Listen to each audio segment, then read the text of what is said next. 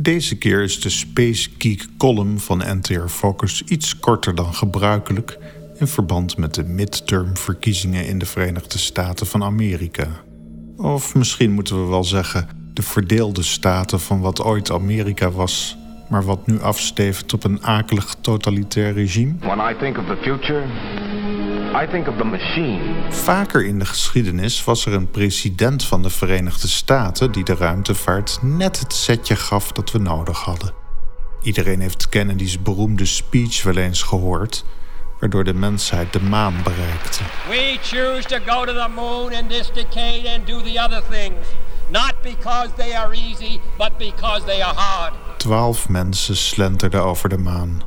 Het doel was bereikt. Minder bekend is Kennedy's drijfveer om zijn besluit te nemen. Natuurlijk, de Verenigde Staten stonden enigszins achter op de Russen in 1962 toen Kennedy zijn speech hield.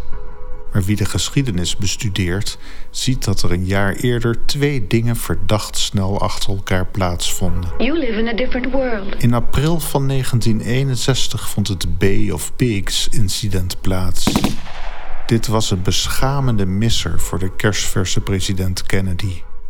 In de maand daarna, mei 1961, drong Kennedy erop aan bij het congres om een gigantisch bedrag te reserveren voor een landing op de maan. Toeval? U mag het zeggen.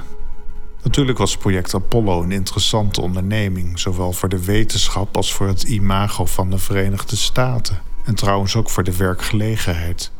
Eerder in deze column had ik het al met u over Margaret Hamilton, computer engineer voor de Apollo maanlandingscomputers. En zo waren er nog een hoop die een baantje vonden in het Apollo-project. That's our job. Zoals wel vaker in deze column springen we een stukje in de tijd. Nu gaan we verder naar het jaar 2011, een tijd waarin Barack Obama president is van de Verenigde Staten. Omdat deze president minder schandalen aan zijn kant had, is het bericht misschien een beetje ondergesneeuwd. Maar Obama heeft op zijn beurt in 2011 een impuls gegeven aan meer geavanceerde voortstuwingstechnieken in de ruimtevaart. rather than keep on doing the same thing, let's invest in basic research around new technologies that can get us places faster. In 2010, toen Obama al een jaar in het Witte Huis zat, verscheen een merkwaardig maar serieus rapport met de titel Warp Drive, Dark Energy and the Manipulation of Extra Dimensions. Dit 34 pagina's tellende rapport was opgesteld door de Defense Intelligence Agency, specifiek door twee promovendi, Richard Obausi en Eric Davis. Dit is precies waar Obama het over heeft in het fragment hiervoor. New technologies that can get us places faster. In de introductie van het rapport zeggen Obausi en Davis, vrij vertaald: Als we nog tussen de sterren willen reizen, zullen we ons anders moeten gaan voortbewegen in het heelal.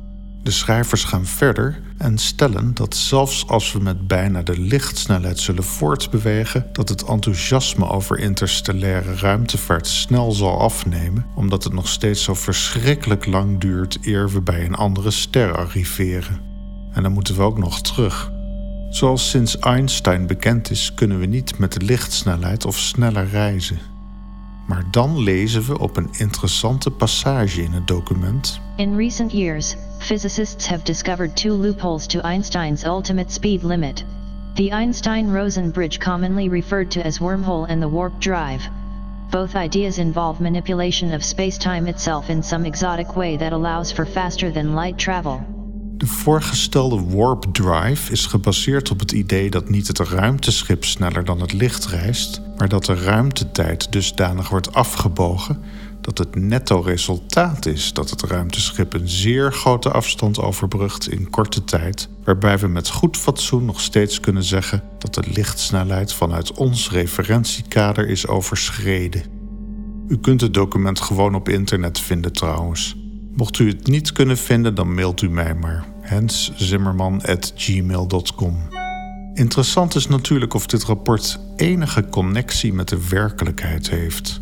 Was het alleen maar een zoethoudertje geschreven om een nieuwsgierige president Obama tevreden te stellen? Of was het een manier om budget binnen te harken voor de NASA?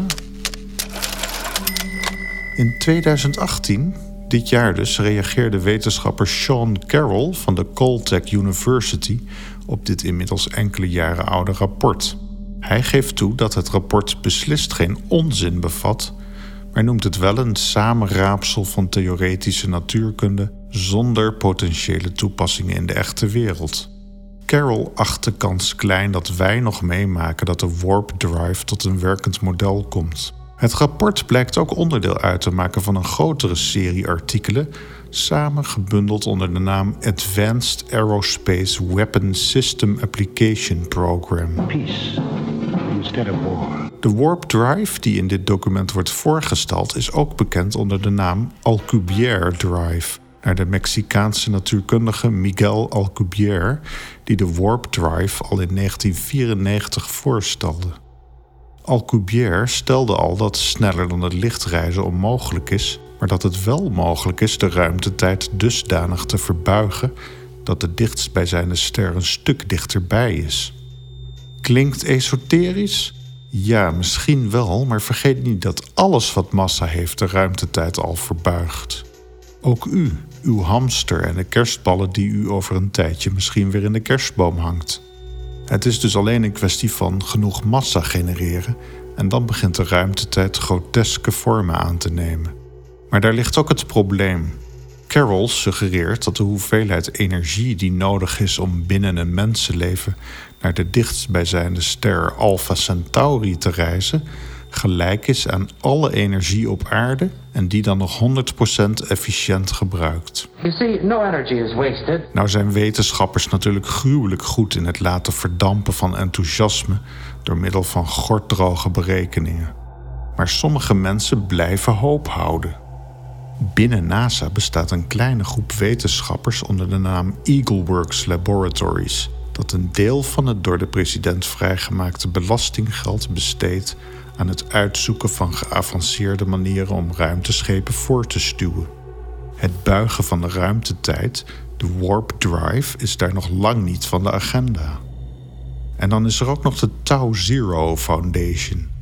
In deze stichting zijn diverse wetenschappers van over de hele wereld verzameld om serieus onderzoek te doen naar interstellaire voortstuwingsmechanismen.